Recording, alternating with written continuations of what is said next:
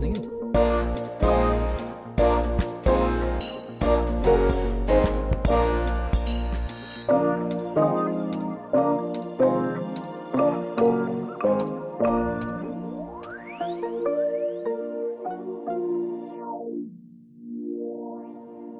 For tre år siden ledet Boris Johnson det konservative partiet til den største seieren i et valg siden 1987.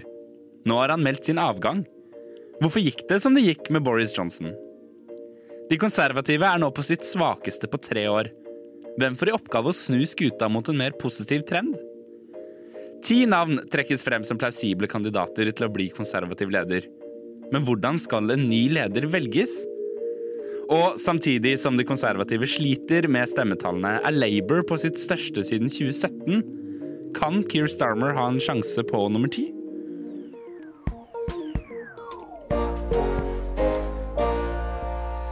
Dette skal vi prøve å svare på i denne podkastversjonen jeg satser på nye medier av Opplysningen 99,3. Mitt navn det er Sander Zakaria, og med meg så har jeg Amalie Sundby. God sommer! God sommer! Selv om vi skulle sagt det for to måneder siden, føles det ut som. Eller da vi hadde sendeslutt. Jeg husker ikke når det er. Lenge siden. Eh, og jeg merker at du ikke er radiovant. Nei, jeg har jo ikke vært på radio siden eh, jeg faktisk sa god sommer. For det var jeg som var på sending da vi hadde sendeslutt, så jeg fikk jo sagt god sommer da. Ja, da hadde jeg eksamen. Så gøy var det. og vi skulle jo kanskje begge helst ønsket at vi hadde tilbrakt denne dagen sittende på et pledd i vår lokale park med en halvliter i neven, kanskje litt kald, noen pølser på grillen, noe deilig musikk på øra. Men istedenfor sitter vi altså her i et altså, et helt sinnssykt varmt studio. Det er helt sykt hvor varmt det studioet her er blitt på liksom ti minutter. Og skal snakke om Boris Johnson. Alles favoritt-godgutt. Og det er jo en grunn til at det er oss som sitter her, for vi har prata om Boris Johnson før, Amalie. Ja, og jeg syns jo uh, du var veldig kunnskapsrik og flink til å formidle om uh, Boris. Veldig god til å lese manus og veldig god til å google, er det jeg uh, tolker det der som. Eh, men Amalie, på torsdag så meldte Johnson sin avgang. Hvor var du da? Jeg tror kanskje Altså, jeg vet ikke hvor jeg var akkurat da jeg prøver, jeg prøver du, du, merker det sikkert, men jeg prøver å gjøre dette til en sånn 'hvor var du da Brå brakk staven'-type ting. Ja, Jeg tror kanskje ikke det blir det, fordi folk har kanskje fått det med seg på forskjellige tidspunkt. Men uh, jeg vet i hvert fall at jeg hadde en mobil i hånda, så jeg mistenker at jeg kanskje satt på do. Uh, og det er det du mener Boris Johnson fortjener? ja, jeg satt på jobb, minda min egen business, var helt i min egen verden. Så får jeg da en melding av vår eh, felles kollega Sebastian, der det står RIP. Og jeg tenker hva i alle dager har jeg gjort nå? Og svarte undrende på akkurat hva det gjaldt. Og han eh, svarte i sin ordknapphet Altså, dette er en mann av få ord. Det er en mann som ikke har så mange ord til overs. Så svarte han Boris. Altså, her prøver jeg å dra en samtale videre. Han hadde svart meg med to ord så langt. Eh, men akkurat som om flyalarmen hadde gått, så skrudde jeg på radioen og hørte da at Boris Johnson hadde annonsert at han hadde en intensjon om å muligens trekke seg. Altså, det var tynn, tynn suppe. Tynn suppe. Um, og min første reaksjon på dette er sånn Virkelig? Er det dette som feller Boris Johnson? Teflon Johnson, som det er veldig mange som refererer til altså, på mørke, mørke sider av internett. Men det var altså Boris Johnson som meldte sin avgang, og jeg ser på deg at du vil vite hvorfor. Ja. Altså, min første reaksjon var jo også å sende melding til deg. og jeg hadde jo en sånn baktanke, for jeg tenkte sånn OK. Eh, sist vi hadde podkast eller sending om Johnson, så var jo du så god til å forklare. Så tenkte jeg OK, hvorfor skal jeg lese meg opp på det når jeg kan få Sander til å forklare for meg? Og så tenkte jeg altså ja, hvorfor kan ikke han forklare for alle andre også?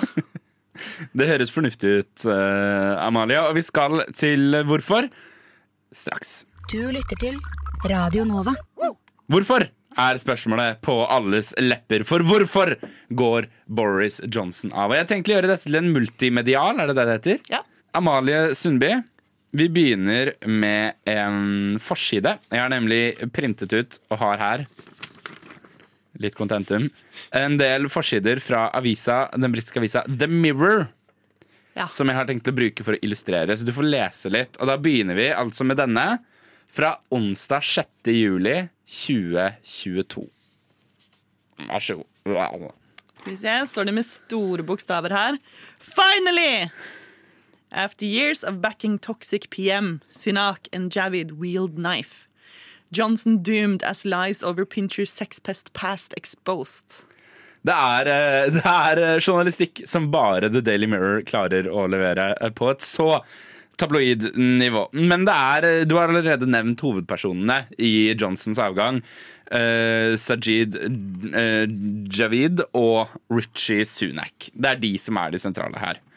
Uh, og det som skjer, altså hele den prosessen med Johnsons avgang Nå skal det sies at det er ganske mye bakenforliggende, det kommer vi til. Eh, men hele prosessen med Sunaks avgang, den, eh, nei, Johnsons avgang, den starter den tirsdag 5. juli, altså dagen før den avisa jeg rakte deg nå, står på trykk. Da leverer begge disse to med ganske sånn kort minutts mellomrom hvert sitt brev til Boris Johnson, der de annonserer at de trekker seg. Som da henholdsvis helse- og omsorgsminister Sajid Javid og finansminister Richie Sunak. Altså Richie Sunak var på et tidspunkt da den tredje mektigste mannen i det britiske demokratiet. Og så nevner vi ikke dronning Elisabeth, for hun er ikke en del av det. Men disse trekker seg da med relativt Altså med noen få minutters mellomrom. Det er ganske teit her. Um, og dette starter en sånn sommerfugleffekt som fører til at da 48 timer etter at disse to har levert sin avgang, uh, så har 60 medlemmer av det konservative partiet det høres ikke ut sånn så mange. Alle disse var riktignok regjerings, altså sånn, eh, regjeringsmedlemmer, satt på eh, parlamentet. Så 60 av 350, da, hvis, hvis jeg ikke husker disse tallene helt feil, eh, trekker seg. Flere av dem er sentrale medlemmer av kabinettet, altså det vi i Norge omtaler som regjeringen. Um, trekker seg da. Uh, og Johnson må da altså på torsdag Eh, to dager senere, eh, etter at eh, Sunak og Javid har levert sine, mm, sine resignation letters, så, må da, så må han da rett og slett gå ut og si at han har en intensjon om å trekke seg som leder for det konservative partiet. Og da trekker han seg altså som statsminister. Det er, De to henger sammen. Ikke leder for det konservative partiet og statsminister, men leder for det største partiet og statsminister. Eh, Litt sånn som i Norge.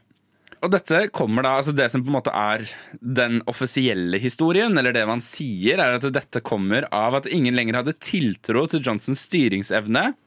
Dette både med rot i Johnsons politikk, men ikke minst i Johnsons mange, mange skandaler. Og jeg foreslår at vi begynner med å se litt kjapt på noen av dem. Og da skal du få en ny avisforside av meg her. Så kan du få lov til å lese den hvite teksten på den sorte bakgrunnen der. Cash for curtains. Det er helt riktig. Det er eh, den første skandalen vi skal til i dag. Det skal jo sies at Johnson er skandaløs. Dette har vi gjort en hel podkastepisode om på en time. Jeg kommer ikke til å gå gjennom den en gang til. Eh, så dette er da rett og slett med start da, mm, i eh, april 2021. Og vi skal da til skandalen som av britiske medier omtales som Cash for Curtains. Eller som har fått det fine navnet Refurbishment of Downing Street 11. Ja, Eleven. Ja, eh, for det jeg, jeg, jeg visste at det spørsmålet kom til å komme. Så vi begynner med en liten sånn kontekst på Downing Street. For det er jo nærmest blitt synonymt med den britiske regjeringen, og vi forbinder da ofte nummer ti med statsministeren. Og det er både riktig og ikke. Sånn som alt gøy her i verden. Eh, Downing Street er, i tilfelle du ikke vet det, så er det en adskilt gate i London, ca. 200 meter lang. Eh, nå er det sånn store gjerder rundt med væpna politi. Eh, Sto det på Wikipedia. Ikke at væpna politi i London er en sånn kjempestor greie, men greit nok. Og her ligger det altså fire boliger. Så denne gata har fire boliger. Det er Downing Street nummer 9, nummer 10, nummer 11 og nummer 12. Alle disse fire ligger da innenfor dette adskilte området. Og her ligger da statsministerens kontor. Altså Statsministerens kontor ligger i nummer 10. Presserommet i nummer 9. Og så har du da andre lokaler på en måte tilknyttet da de inn, den innerste sirkelen da, i eh, det britiske Altså britiske ledende partiet, i dette tilfellet de konservative, som jeg kommer til å referere til dem som, men dette gjelder begge sider. Og hver av disse boligene, altså 9, 10, 11 og 12, har også hver sin leilighet tilknyttet seg. Gjerne liksom oppe i andre etasje. da av varierende størrelser. Og her bor da eh, statsministeren, selvfølgelig. Sjefsinnpiskeren. En sånn herlig middelaldersk navn. Eh, men det er rett og slett han som har ansvar for at de som er konservative, eller hvem enn som styrer, i parlamentet, stemmer det de skal stemme. Selvfølgelig er det avvik, det er det også i det norske partiet. I norske partier. Det er ikke alle Frp-ere som stemmer for all Frp-politikk. Men i stor grad så gjør de jo det. De stemmer jo som, som eh, parti, da. Og han har også da ansvar for at nok folk dukker opp, for det er litt sånn unikt i det britiske parlamentet, er det at det sitter altså der inne 400-500 stykker. Det er helt sinnssykt mange. Hvis alle de skulle ha måttet vært til stede ved hver eneste avstemning, så hadde jo ikke det demokratiet der fungert. Så derfor så er det en sånn greie med liksom representasjon og prosentvis og eh, styr. Men det er i hvert fall sjefsinnpiskerens ansvar. Og så er det da også finansministeren. Bor da også i Downing Street. Og han er jo en av de mektigste partiene eh, En av de mektigste folka da, i det ledende partiet. Det er statsminister, det er deputy. Altså samme som visepresident i USA. Så er det da finansministeren. Litt sånn er det jo også her i Norge.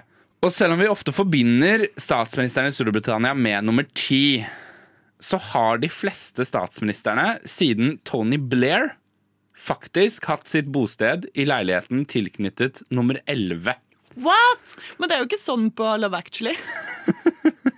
Nå eh, er det en del usikkerheter her. For det første, Jeg vet ikke om Love Actually finner sted før eller etter Blair. Ja, det er Jeg vet heller ikke hvor stort ego eh, eh, Hva heter han? Jeg har lyst til å si Hugh Jackman, men det er ikke det han heter. Hugh Grant. Takk.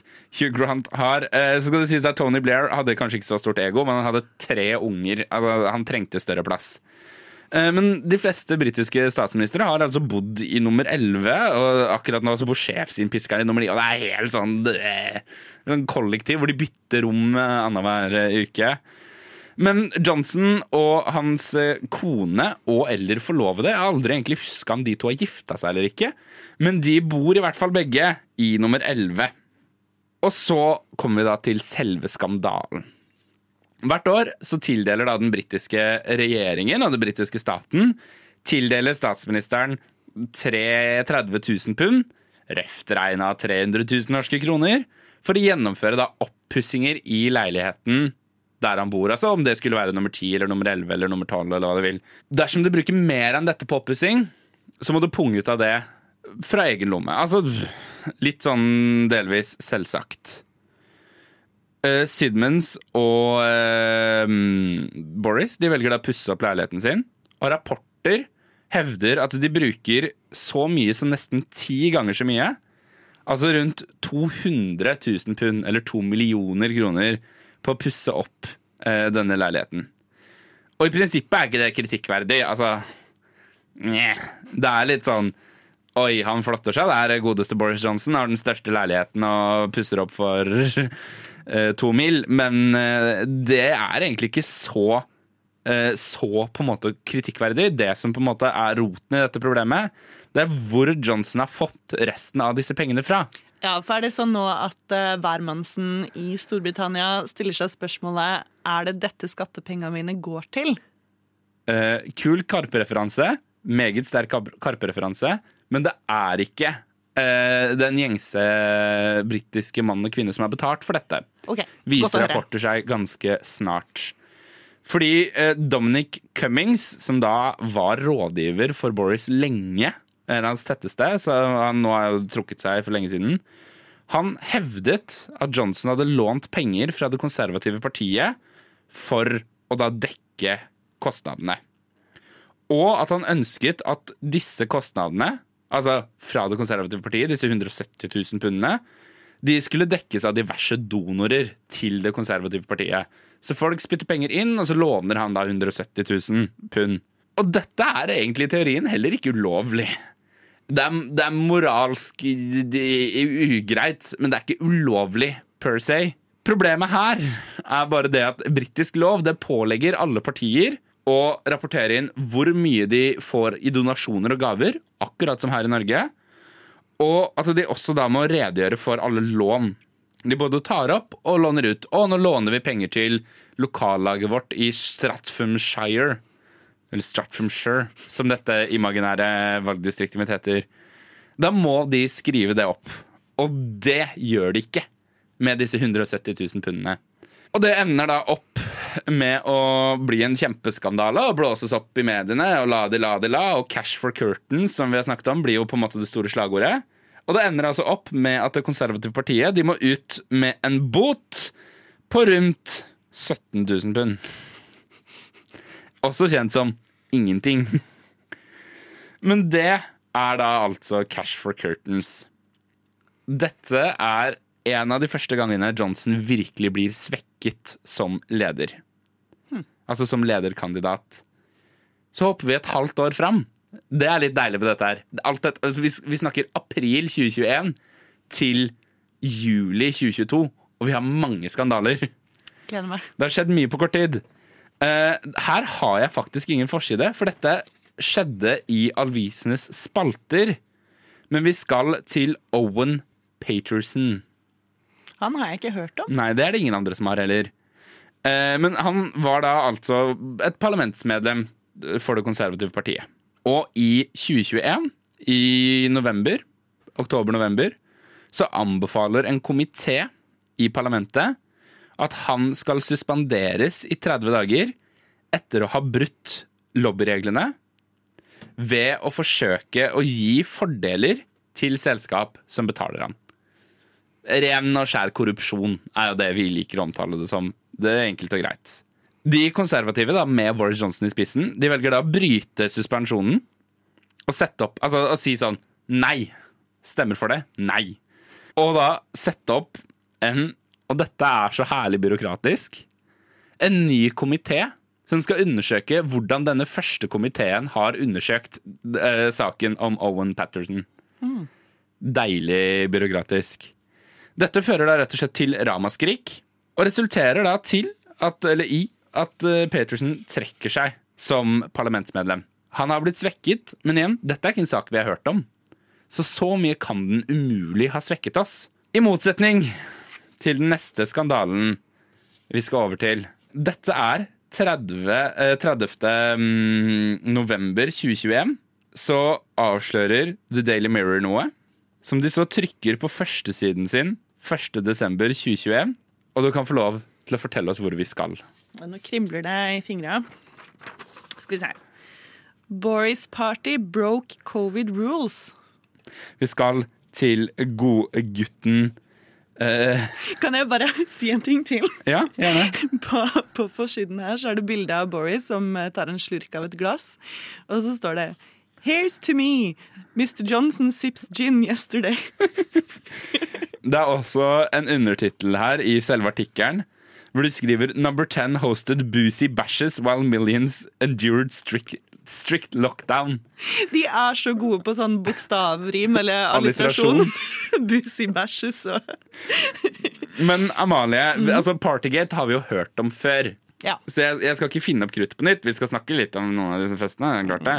Men jeg lurer på først, kan du fortelle meg hvor mange fester det var snakk om da i perioden mai 2020 til april 2021? Tre. Ja, ikke sant? Det er snakk om 16 fester. Det er veldig mye. Det er helt sinnssykt mye. Ifølge da Sue Grace rapport, hun ble da satt ned for å undersøke dette.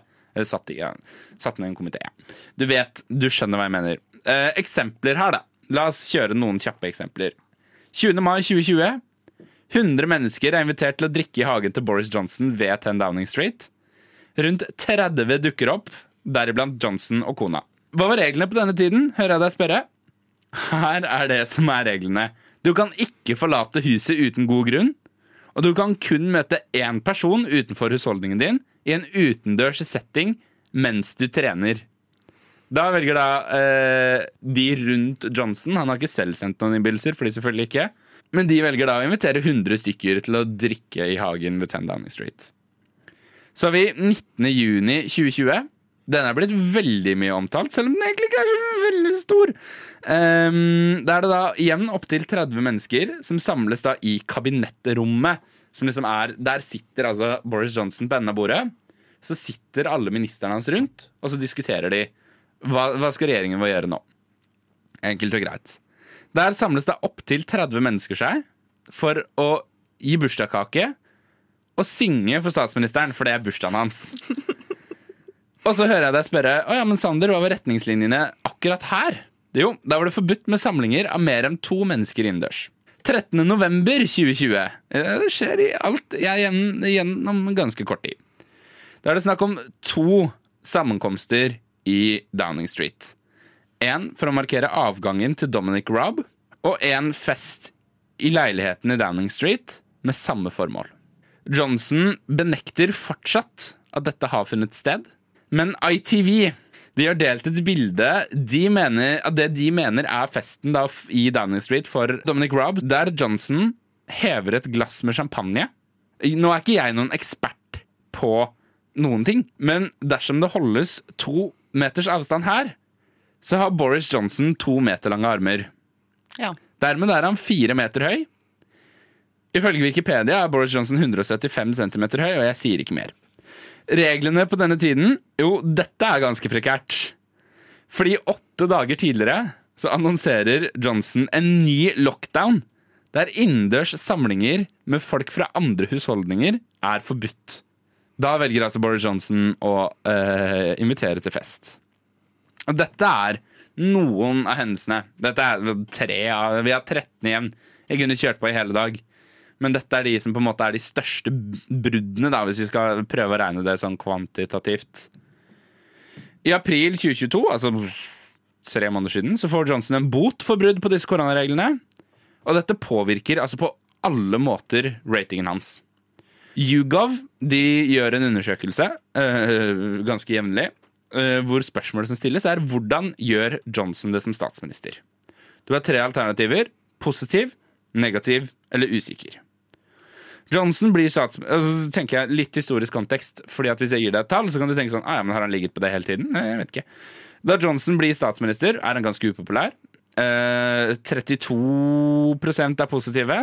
31% er negative, og 37% er usikre. Det er liksom å forvente første dag på jobb. Det er vanskelig, det er vanskelig å nå 100% den dagen. Så vinner da Johnson med en landslide i desember 2019. Da er 47% positive, 41% negative og 12% usikre. Så stenger Storbritannia ned i april 2020. Dette er Johnsons høyeste rating. 66% positive, 26% negative og 7% usikre. Og så når da Partygate-skandalen toppen i januar 2022. Da stiller de som er spurt av YouGov seg slik. 5% er usikre. 22% er positive. Og 73% mener Johnson gjør en dårlig jobb som statsminister. Dette er den enkelthendelsen som har rammet Johnson som person og som leder mest. Her lager han regler og klarer altså ikke å følge dem. Så skal vi komme til skandalen vi allerede har fått tisa litt, nemlig Pincer, eller Pincher. Briter kan ikke stave navn. Men før vi kommer så langt, så er det én ting til som er litt viktig å nevne her. Og det handler om økende levekostnader og skatteøkninger. Fordi akkurat som på samme måte eh, som prisen på en pakke wienerpølser på Kiwi har økt med 30% den siste tiden her i Norge, nå er det riktignok prisendringer, eh, så har også Storbritannia vært preget av høye levekostnader. Inflasjonen i Storbritannia den er økt ganske kraftig, og ligger nå på 9,1% Det er skyhøyt. Og dette er jo ikke nødvendigvis Johnsons feil. ikke sant? Altså, det er jo viktig å understreke. Uh, fordi mye av dette skyldes en viss invasjon av et visst østeuropeisk land av en viss mann som heter Vladimir Putin. Uh, det er mye av grunnen. og sant, Økte bensinpriser, og Johnson har prøvd å kjempe mot dette. Samtidig så gjennomfører da regjeringen hans en skatteøkning i april i år. To måneder etter invasjonen av uh, Ukraina. Som da rammer alle som tjener mer enn 34 000 pund i året. Ja. De får helt sinnssykt mye høyere skatter. Og så kommer vi til dråpen som velter glasset. Vi skal til Chris Pincher-skandalen. Og sexpress-pausen. Helt riktig. Chris Pincer, eller Pincher, uh, igjen, britiske folk kan ikke stave navn. Han er et parlamentsmedlem, og han representerer valgkretsen Tamworth i Straffordshire, som ligger i West Midlands. Vest midt i England. Eh, Enkelt forklart. I februar så blir han utropt til Deputy Chief Whip.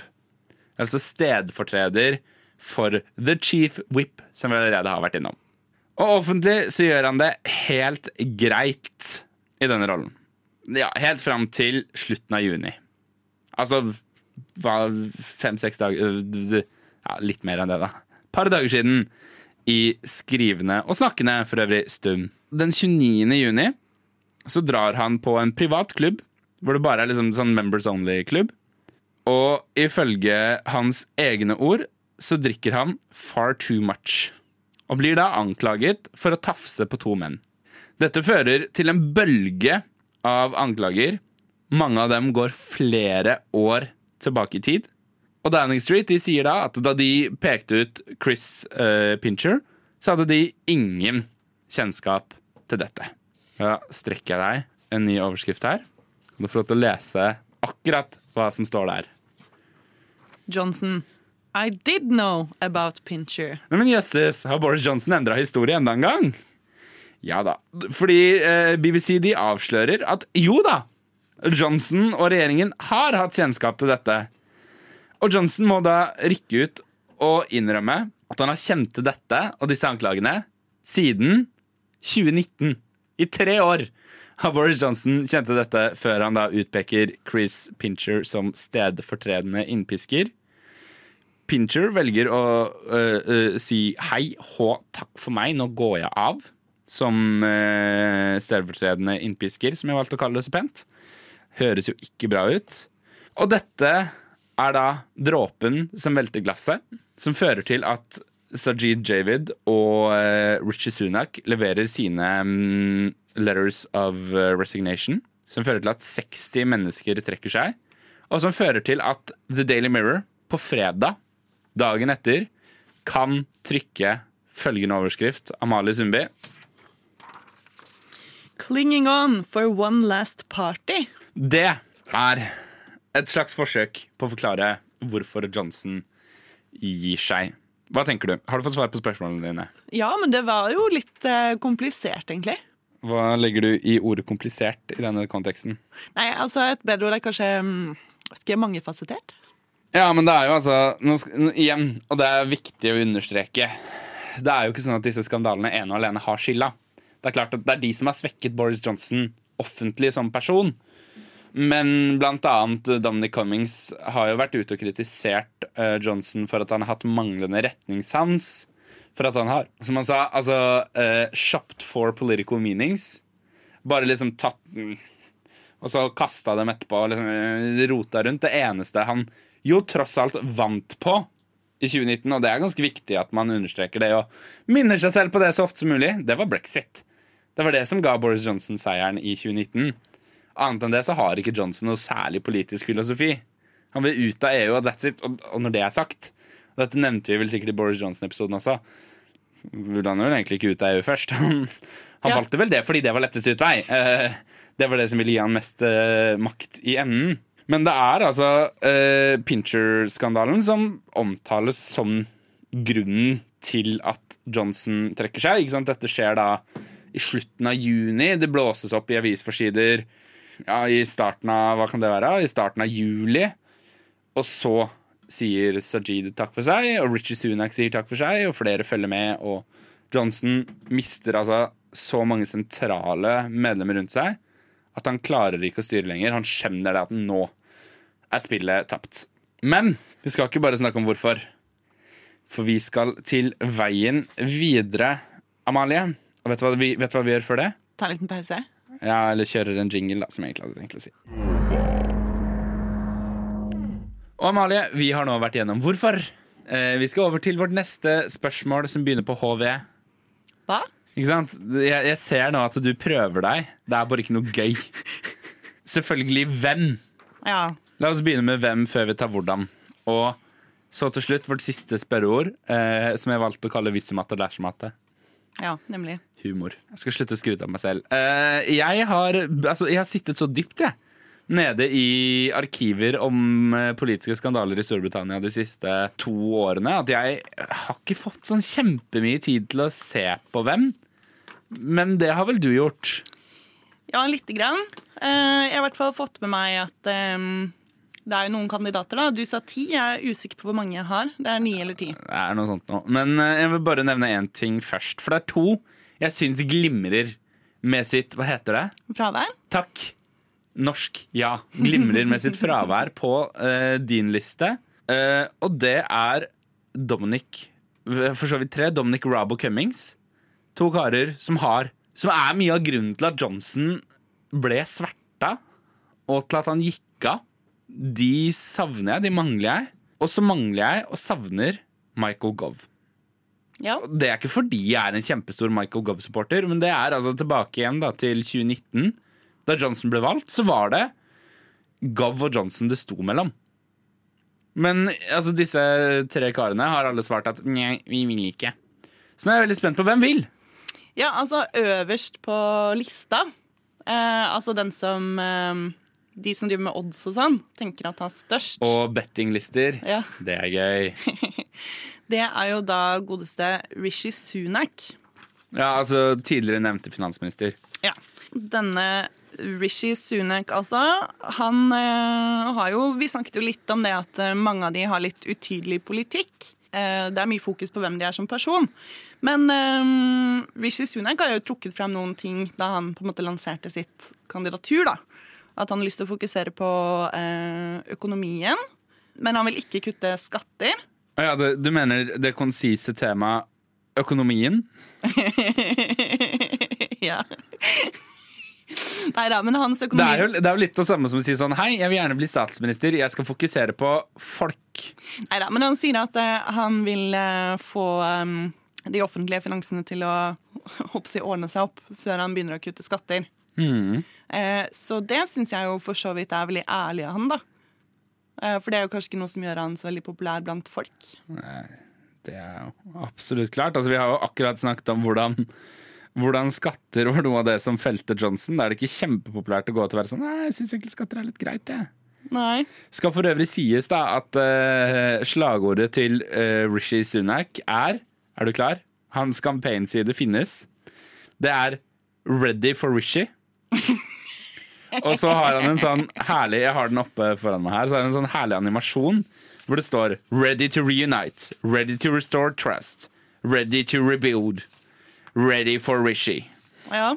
Mm. Neste på lista, på bettinglista, det er jo godeste Hvor ble det av hun, da? Ja, neste på lista, det er jo da hun eh, Penny Mordaunt, tror jeg man skal si det Oh, ja. på fransk. Jøss. Hun har jo da vært handelsminister. Ja. Eller er hun det fortsatt? Jeg er Faktisk litt uh, usikker. Her merker jeg grave, gravejournalistikken har uh, virkelig gått for fullt. Men uh, noe av det som kjennetegner denne Penny Mordaunt, er at hun, er jo, hun har vært veldig for brexit. Ja, Um, Så vi får Boris Johnson 2.0, da. Ja. Bortsett fra at brexit er vel uh, It's get done. Det var min Boris Johnson-parodi. Hvordan vil du rate den? By getting brexit done. Nei, Ja, den blir eh, bedre etter hvert. Ja, ja, mm, sure. uh, hun var den første kvinnelige forsvarsministeren, faktisk. I 2019. Og det er jo ikke sånn at i Og det er jo, jeg føler det er en ting man må snakke om. For sånn som i USA så ville noe sånt vært ganske sånn heseblesende. Altså En kvinnelig president, hva er dette for noe? Storbritannia har hatt to kvinnelige statsministre allerede. Eh, Begge er kontro la, oss, la oss gå for det enkle, kontroversielle karer, da. Mm. Det er jo heldigvis Maggie Thatcher, The Iron Lady, og eh, eh, Theresa May, som er hennes, hennes renommé er vel at hun greide å fucke opp alt hun drev med, fram til hun til slutt eh, ga seg. Vet du hva? Jeg kom på nå side, Total side note til hva enn det var vi egentlig pratet om. Men um, jeg, klagde jo, jeg klagde jo litt over at um, Robo Cummings ikke stiller til uh, statsminister. Selv om det er de som har liksom fucka opp og brukt uh, ubalanse her. Nå gir jeg deg tid til å rote i notatene dine, bare sånn at det er nevnt. Uh, men det de egentlig kjører, er jo en, en Boris-strategi. For det var jo Boris som fucka alt opp med brexit. Det var jo han som var den store forkjemperen på Tory-siden. Men da de skulle velge ny leder etter at Cameron trakk seg, så sa han nei, ikke meg. Det er litt det de driver med. Får jeg, får jeg ingen poeng for den sammenligninga? Eh, jo, du får eh, over 3000. Takk. Men kan jeg få, er det en mulighet for å få 170 000 mer hvis jeg låner av Det konservative partiet? Ja, så lenge du ikke rapporterer det. Okay. Eh, neste på lista er jo da Liz Truss. Hun er minister. Ja, Um, Foreign Secretary, det er utenriksminister. Helt riktig. For jeg er sekser i engelsk. Eh, men du kan få låne 170 000 poeng av meg. Jeg kommer bare ikke til å føre det opp som et lån. Ja, altså I motsetning til uh, Mordon, så var jo da Liz Truss um, en remainer i Ja. brexit-spørsmålet. Så sånn sett ganske egentlig tilsvarende lik Theresa May, da, som også var remainer. Ja, men i 2016 så ble hun brexity. Hæ? Hun var veldig for remain, og så ble hun veldig for eh, Eh, det er en sånn Scorpions-låt som heter Wind of Change. Ja, det høres ut som den handler om hun. Ja. Og så har vi jo da en eh, kandidat til som eh, gikk litt ned på bettinglistene, men som nå de siste dagene har gått litt grann opp igjen. Og det er jo godeste Tom Tugentatt Vi var litt usikre på hvordan vi skulle Men vi fant, jeg fant ut at eh, hans eh, bestefar var fra Østerrike. ja det, Så- Da gir alt så mye mer mening. Jo, men da kan vi jo kanskje tenke mer sånn Tugendtatt. Men jeg tenker sånn jeg, jeg skal gi lytteren litt hjelp her. For jeg, skal ikke, jeg skal ikke ljuge på meg og si at jeg ikke har noen kunnskap om hvem noen av disse menneskene her er. Det er ikke sånn om jeg nå hører navnet deres for første gang. Men Tom Tugentatt eller pokkeren han heter, aldri hørt om før. Nei, men han lover å eh, bygge en bro over eh, brexit-skillet, da. Det er eh, noe av det han eh, Det er jo ganske radikalt annerledes enn eh, Det er litt sånn Theresa Mayske igjen, da. Vi, til, vi kommer tilbake til henne stadig vekk. Men hva har, han, hva har han gjort før? Hvorfor har han hevet navnet sitt inn i, inn i tønna? Si? Han har jo vært eh, militærmann. eh, vært i Irak og Afghanistan. Ja, altså veteran, rett og slett. da Ja, eh, rett og slett. Eh, han eh, sier jo selv, eller ifølge BBC, så er han ikke en populist. Han er heller en pragmatist. Så han har jo sagt at han også vil eh, reversere um, Hva skal man si? Det er vel den skatten som uh, Ja. de økte, altså National Insurance. Ja, ja, ja. Jeg- Den er opp nå, det glemte jeg å nevne, men den er også en av de tingene som er økt. da Ja.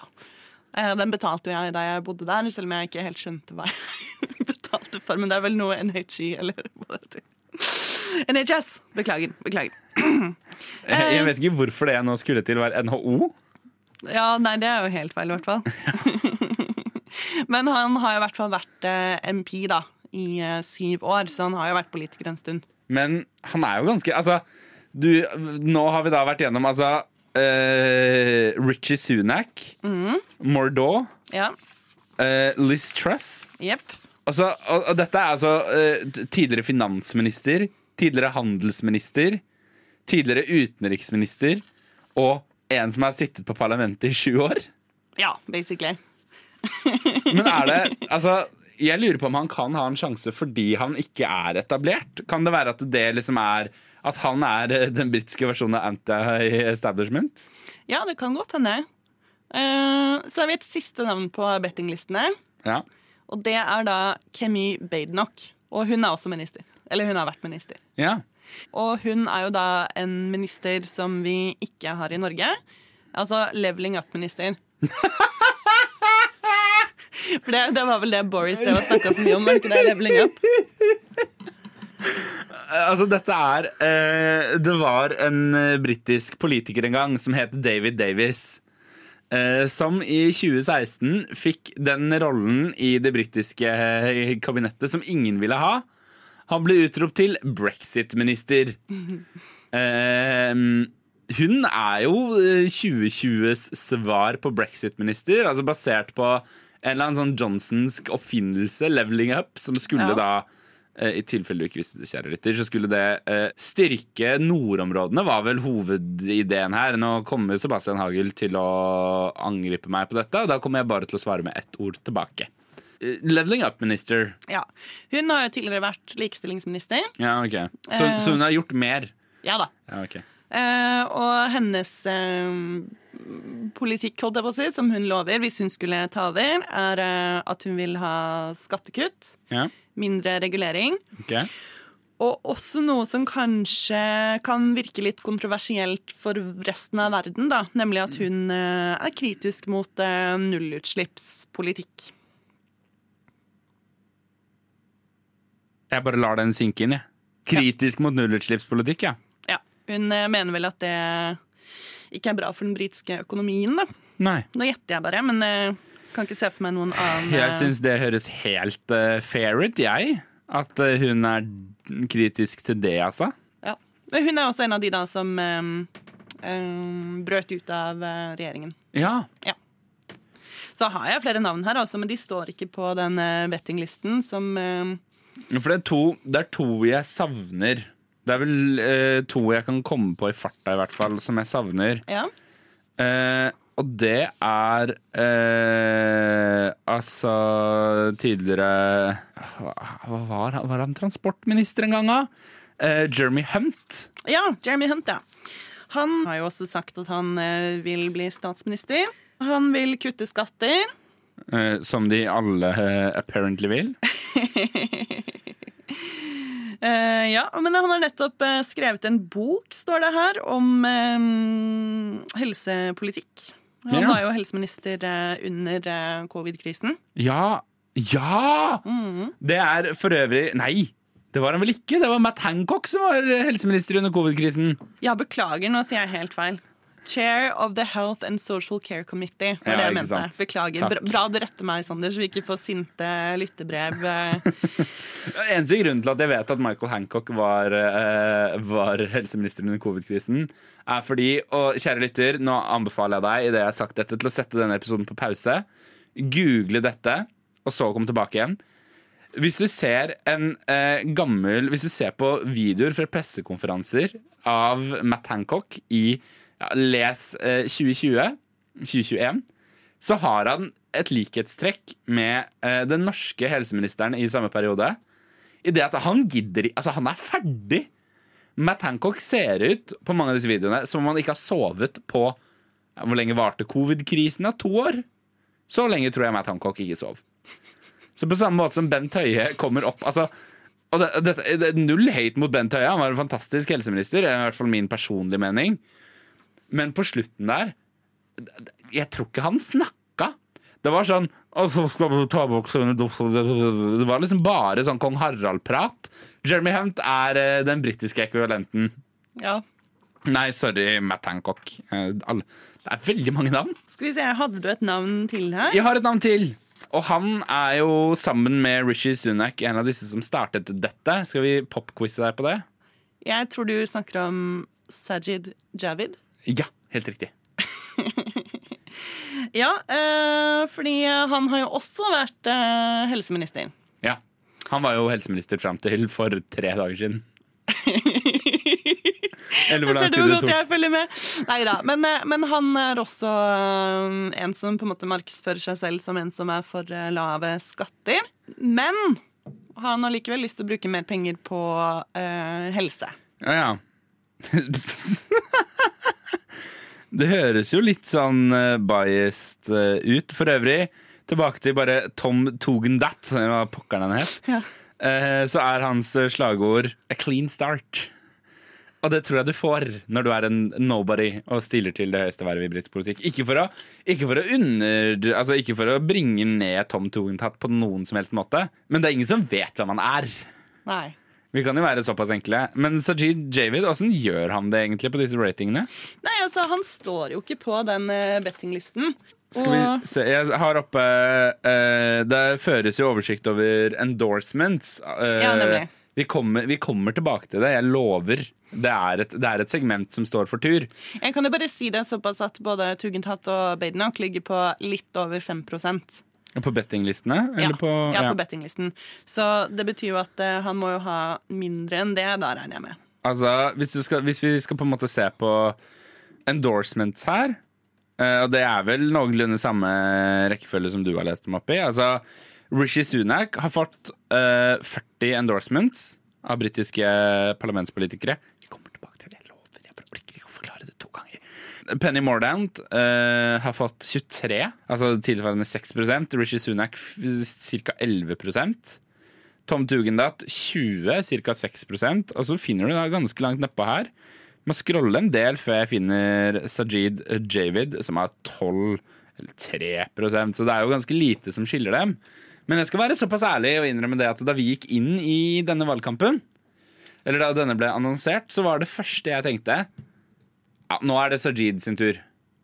Og så var det jo ikke det. Eller det virker, det virker ikke sånn. det, Nå skal ikke jeg si noe.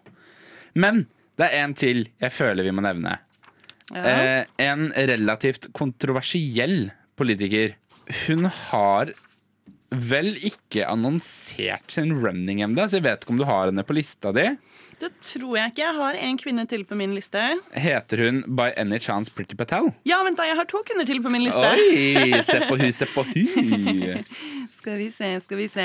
Pretty Patel, da, hvis du lurer. Eh, hennes mest kontroversielle Hun er kjempekontroversiell for å være en slags Nå skal jeg trå Nå trår jeg varsomt og prøver OK.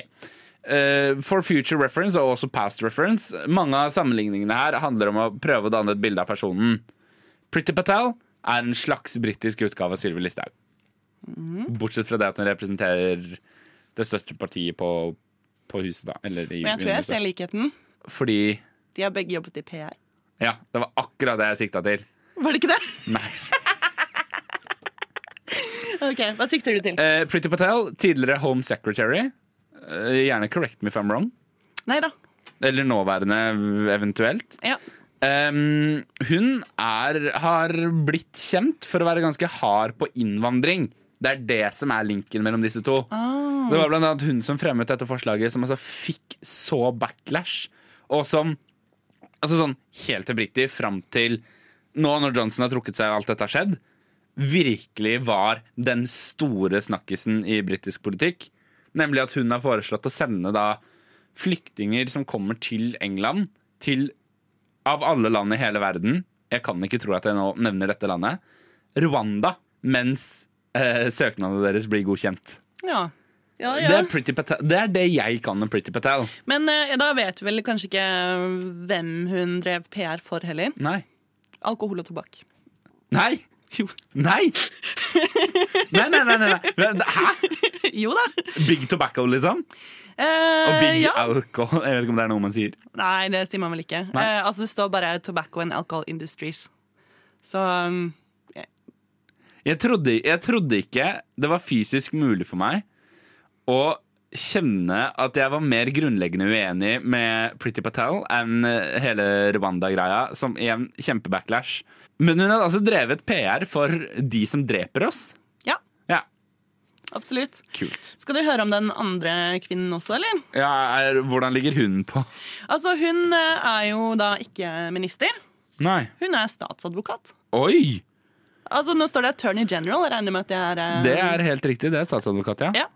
Og hun heter så mye som Suella Braverman.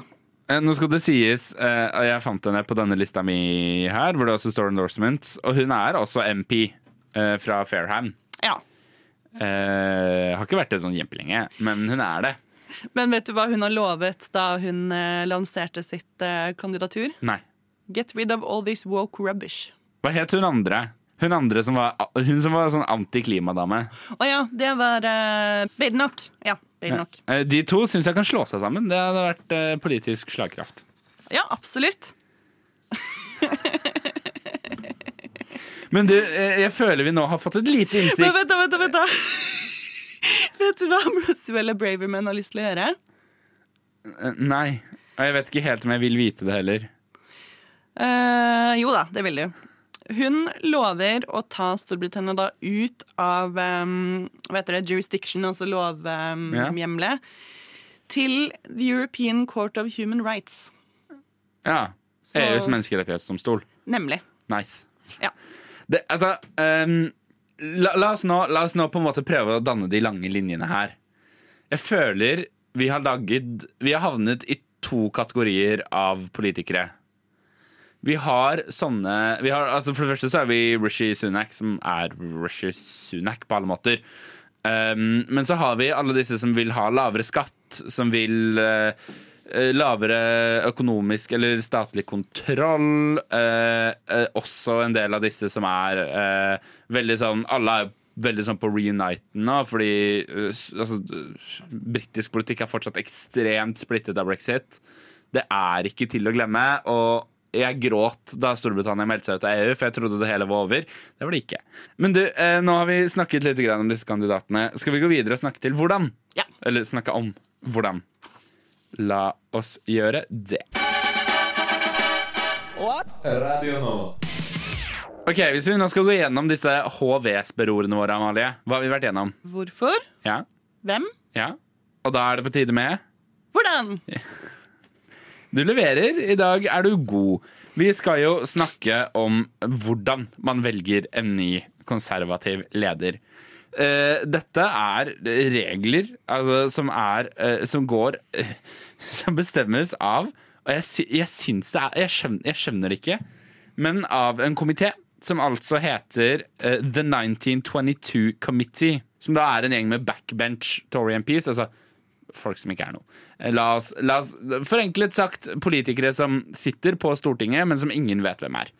Typ eh, representanten for Høyre fra Nei, Jeg skal ikke henge ut noen landsdeler i Norge, men vi vet ikke hvem alle som sitter på Stortinget er. Og det, det er det samme med disse backbencherne. Vi vet ikke helt liksom, altså, hva som er rangen her. Det kommer en timetable. Det står at den skulle komme på mandag. Altså Hvordan dette gjennomføres, det bestemmes jo da av en komité som jeg mener har det rareste og mest uklare navnet i hele verden. 1922-komiteen.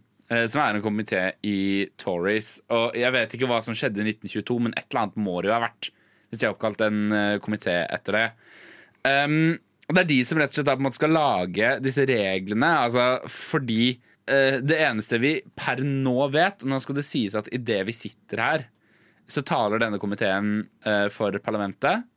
Og kommer til å forklare hvordan dette kommer til å gjøres. Eller for konservative. Eller dette, hvem det er de taler for, har jeg heller egentlig ikke helt satt meg inn i, fordi det skjer nå. Det er breaking.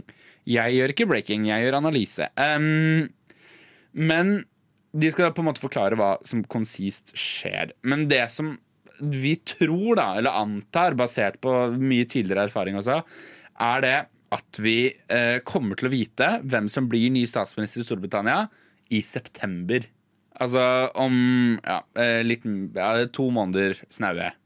Eh, la oss si det sånn. Og det er eh, Det er Det er jo litt det, da. Så er det sånn at måten de velger en ny leder for Tory-partiet, er eh, egentlig ganske enkelt gjennom et slags suppleringsvalg. Så alle de som sitter på Stortinget, eller altså i parlamentet, eh, for det konservative partiet, de stemmer over da disse kandidatene. Så de må lanseres til kandidatur, og det kommer til å komme en frist. Eh, For eksempel så har ikke eh, Priti Patel lansert sitt kandidatur ennå. Men igjen så er det også en ting man spekulerer om at kommer da i dag når vi spiller inn dette, som er henholdsvis mandag 11. juli. Det burde vi ha nevnt for lenge siden. Det kom nå, ja. Mandag 11. juli er det i hvert fall i dag. Og, um, når, og så setter de en frist inn her med alle kandidatene har øh, altså, trukket seg selv fram. Nå har jo mange begynt campaigningen allerede. Sannsynligheten for at det er mot slutten av uka, starten av neste uke, er ganske stor. Og så begynner de da rett og slett et suppleringsvalg. Så det vil da si at alle 350-360 konservative MPs går opp og sier jeg vil ha denne kandidaten.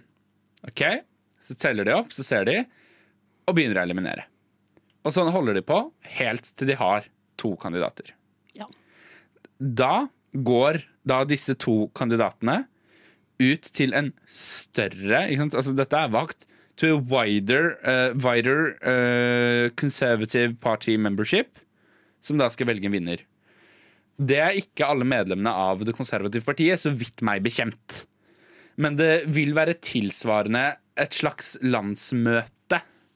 Nemlig. Ikke sant? Med landsmøtedelegater osv. Bortsett fra at det er ikke et landsmøte, men det er liksom delegater som stemmer, og da stemmer de via post. Og når det da er gjort, så har vi en øh, vinner. Jeg vil anta, utelukkende basert på hvordan dette ble gjennomført i 2019, som er det eneste vi kan basere oss på nå, at vi kommer til å sitte igjen med to kandidater mot starten av slash midten av august, avhengig av hvor fort de setter den fristen. Ja, og det er jo det de skal bestemme i kveld, faktisk. Ja. Det er det de bestemmer nå. I det, mens vi sitter her og Ja. prater. Så det vil altså si at vi, eh, når opplysningen kommer tilbake til en ny sesong, så vil vi høyst sannsynlig vite hvem disse to som kan bli statsminister er. Og da er det mye lettere å gjøre portretter på dem enn å skulle gjøre portretter på 134 forskjellige kandidater. Men det er én kandidat vi ikke har nevnt. Og vet du hva det gjør? Nei. Det bringer oss videre til neste segment. Radio Nova.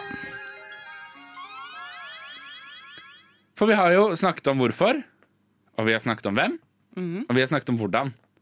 Men så har jeg lagt inn dette siste spørsmålet hvis om at det, dersom at det. Eh, er fordi det sa pappa at jeg sa altfor mye da jeg var liten. Eh, Og dette handler rett og slett om en som ikke er en kandidat for, eh, for Tories i det hele tatt. Fordi han er partileder for et annet parti.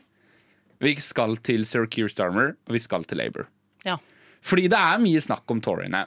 Og det er naturlig. Det er de som nå står oppe i en lederskipskrise. Men samtidig så har vi nå, fram til nå, utelukkende snakket om Storbritannias nest største parti. Fordi i medlemsmasse så er Labour, eller Arbeiderpartiet i Storbritannia, kolossalt stort. Det er mye mindre på tinget. Mye fordi Johnson gjorde den landslide election han gjorde i 2019. Men de er kolossalt mange medlemmer. Det er liksom 400 000-500 000 medlemmer i det britiske Arbeiderpartiet. Ledet da av uh, The Right Honorable Gentleman, sir Keir Starmer, som er tidligere um, Hva heter han da? Attorney General. ja. Statsadvokat. Helt riktig. Statsadvokat. Og Labour de gjør det helt sinnssykt bra i målingene nå.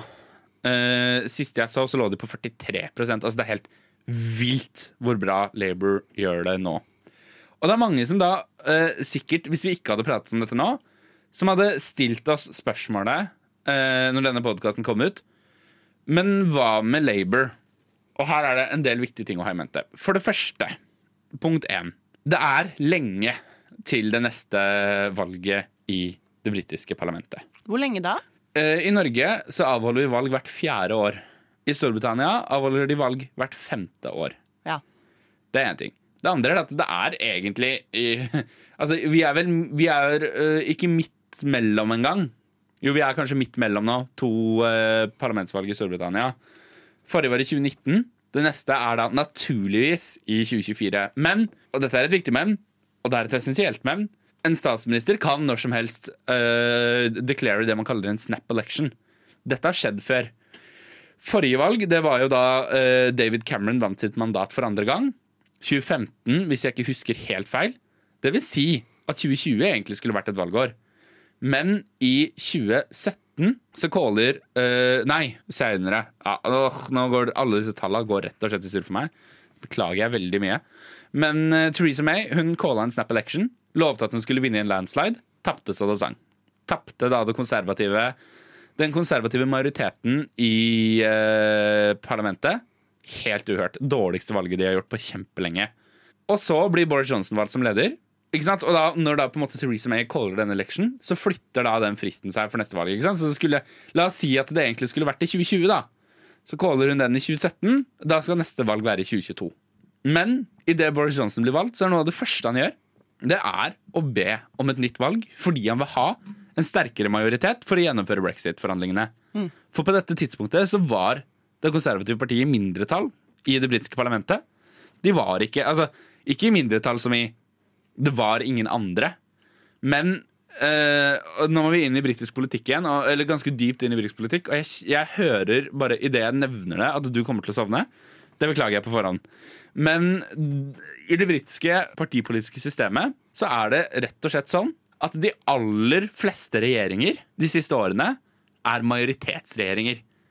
Koalisjonsregjeringer i Storbritannia er ganske sjeldent. Ja, det har vært. Vi hadde Tories og Lib Dem. Vi hadde Tories og Eller de konservative og eh, Hvem var det de samarbeida med? Democratic Unionist Party. Vi har hatt koalisjonsregjeringer, selvfølgelig. Men i det store og det hele så er det snakk om altså, flertallsregjeringer. Det er de som styrer i Storbritannia. Så det faktum at Theresa May greide å miste da dette rene flertallet for de konservative, det er ganske, ganske kritisk for uh, det konservative partiet. Og det er også ganske motgående med en trend som har vært i det siste. Rett og slett ved at man styrer ene og alene, i hvert fall de konservative, som er så forbanna svære. Og dette kommer jo da igjen eh, tilbake til, og jeg kommer ikke til å si så veldig mye mer om det, enn First Past the Post, som er et system som rett og slett favoriserer de største partiene. Enkelt og greit. Det er det jeg gidder å si om det. Dette har jeg forklart 100 000 ganger før, og det er ganske vanskelig. Det tar tid. Så la oss gjøre det enkelt. Det er de aller største partiene får mandater. Mandatene blir ikke prosentvis fordelt på landsstatistikken. Så bare fordi at Labour nå ligger an til 43% så betyr ikke det at de vil få 43% av mandatene på, på tinget. Så enkelt er det. Uh, så på grunn av dette uh, så caller da uh, Boris Johnson en snap election i 2019. Det vil da si at neste valg det finner sted i 2024. Er det neste stortingsvalget i Storbritannia. Det er to år til. Det er ganske lenge. To og et halvt år. Og da er det en ting som er ganske viktig å huske. Og det er en ting som heter og som omtales som den politiske hukommelsen. Som står ganske sentralt i dette. Nemlig det at man, øh, man glemmer ting som skjer i politikk. Altså øh, Hvor mange var det som tenkte på Giske-saken da de gikk til valgurnene i, 20, i 2021 her i Norge? Eller hvor mange er det som kommer til å tenke på pendlerboliger når de går til valgurnene i 2020 Når er neste valget vårt? 2025? Ja, noe sånt. Det, det er ikke så viktig. Det er kjempeviktig. Jeg beklager, det er veldig viktig. Men jeg orker ikke å tenke på det. Så det er en ting som er kjempeviktig. En annen ting er det at Keir Starmer han er en splittende figur. Ikke like splittende som Jeremy Corbyn, som jo var en hardbanka nærmest altså, sosialist på grensa til kommunist. Mens uh, Keir Starmer er en sosialdemokrat. Uh, så sosialdemokratisk som du får dem. Men han er ikke sånn superpopulær, ifølge gjennom altså, uh, undersøkelser foretatt av Yougov. Så er det da altså sånn at um, mange av de som sier at de ville stemt for Starmer og Labour, de sier at de i stor grad gjør det fordi Boris er udugelig. Ja. Nå har de luka Boris Johnson av scenen han er ikke statsminister eller leder for det konservative partiet når de går til valgurnene i 2024. Såpass tror jeg vi kan si med ganske stor sikkerhet. Kanskje han er det i 2029, men ikke i 2024. Jeg benekter Boris Johnson kan gjøre et comeback. Altså Kom igjen, det er Boris Johnson vi snakker om. Han gjør comeback når han vil. Det er En ting. En annen ting er det at uh, på YouGov så har de også stilt spørsmålet Blir Keir Starmer noen gang statsminister. Og der er det en majoritet som svarer nei. Så alt i alt, selv om dette nå er helt sinnssykt viktig, og vi snakker om det akkurat nå, så tror jeg det at om to år så er dette glemt. Labour har ikke en sjanse, med mindre det skjer større en større politisk omveltning i Storbritannia. Eh, med mindre de fortsetter sånn som de har gjort nå, med høye inflasjonstall. Mange som går til food banks. Det er helt sinnssykt mange i Storbritannia som, går, som er avhengig av food banks for å få mat.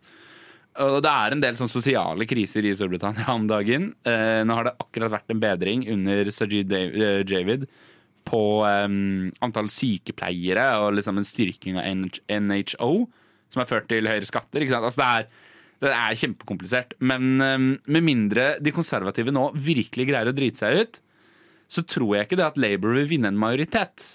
Men jeg tror at de konservative vil gå tilbake. Fordi da de gikk fram i 2019, så var det fordi brexit lå så friskt i minnet. Nå gjør det ikke det lenger. Så på spørsmålet, for å svare på spørsmålet vi stilte i starten, før vi går over i dagens Hva har vi egentlig lært i dag? Husker vi noe av dette når vi drar hjem og legger oss i kveld? Kan Starmer ha en sjanse på nummer ti? Nei. Vi går videre. Lyssna istället till Radio Nova. Jeg vet ikke hvor lenge vi har pratet, kjære lytter, når du hører dette. Det er nemlig Amalie som skal klippe dette. Vær så god. Men når vi nå sitter her, så har vi i hvert fall tilbrakt 1 time og 13 minutter i dette studio. Og jeg begynner å kjenne det på svetten i panna. Jeg sitter liksom, ah, Det er så varmt her. Altså, jeg sitter med kort shorts på skinnstol. Jeg sitter med langbukser i kordfløyel. Jeg vet ikke hvem av oss som har det verst. Ja, jeg tror det er en eh, delt førsteplass. Eh, Men Amalie, Ja. eh, la oss gå tilbake til hvorfor vi i det hele tatt sitter her. Du ville vite hva i alle dager som skjedde i Storbritannia. Har du fått svar på spørsmålet ditt? Har du Ja. noen flere spørsmål du brenner inne med? Sånn at jeg ikke får en melding av deg i morgen som er sånn Men du, Sander, kan ikke vi gå inn i studio igjen og forklare dette litt spesifikke element i britisk politikk? Nei da. Um, jeg tror jeg fikk svar på det jeg lurte på. Du har ingen flere spørsmål du brenner inne med? Nei. Hvis du, kjære lytter, har noen spørsmål du brenner inne med, så kan du eh, kontakte oss. Jeg kommer ikke til å lage en spesialepisode utelukkende basert på de spørsmålene du eh, stiller meg. eh, Mest fordi at i den varmen vi har her i Norges hovedstad for øyeblikket, så er det for varmt i dette studioet til at jeg orker å sitte her. Altså, jeg er nå 100% sikker på at hvis vi hadde fiska fram en Grandis i frossen tilstand og lagt den her inn og venta i 15 minutter, så hadde det vært en digg Grandis når eh, den var ferdig. Det er litt fuktig, kanskje. Eh, Men hvis du har noen spørsmål, hvis det er noe du lurer på, så kan du kontakte oss på enten Instagram eller Facebook. Eller hvis du er av den mailete typen, kan du kontakte oss på opplysningen 993 alfakrøll gmail.com. Har du lyst til å gjenta det? Opplysningen 993 alfakrøll gmail.com. Der er vi gode. Uh, med det så takker jeg for deg, Amalie Sundby. Ja, selv takk. Vi ses i 2024 etter uh, valget. Kan vi da ikke gjøre dette på sommeren? Ja. Ok. Tusen takk for at du har hørt på denne episoden av Opplysningen 99,3. Dette har vært en podkast spesial. Det gjør vi aldri igjen. Eh, og dette er ikke meg som er hatfull, dette er meg som svetter ut av øyeballene mine etter moment. Eh, hvis du hører enda mer fra Opplysningen 99,3 og ting som kanskje ikke er så langt, så kan du sjekke oss ut som podkast. De finner du der du finner podkaster ellers. Følg oss på sosiale medier, og så gjenstår det bare for oss å si takk for oss. Du Du Du hø hører På på Radio Nova. Gratulerer med å komme til slutten av denne altfor lange sending. Eh, Klipper Amalie her som snakker. Vi spilte jo inn denne episoden mandag den 11. juli. I dag er det fredag. Jeg skal straks publisere, og jeg vil bare oppdatere om at eh, de kandidatene som står igjen nå, er Rishi Sunak, Kimi Badenoch, Penny Mordaunt, Liz Truss og Tom Tugendhat. Jeg bestemte meg for å beholde diskusjoner rundt noen av de andre kandidatene, fordi eh, Urix har jo hatt en sak nå eh, om at eh, mange av minoritetskandidatene har blitt stemt ut, og jeg syns det var fint at eh, dere lyttere fikk en eh, innsikt i deres politikk, og ikke bare at de var minoritetspersoner. Da skal dere få slippe å høre mer. Eh, ha en riktig god sommer videre, og vi høres til høsten.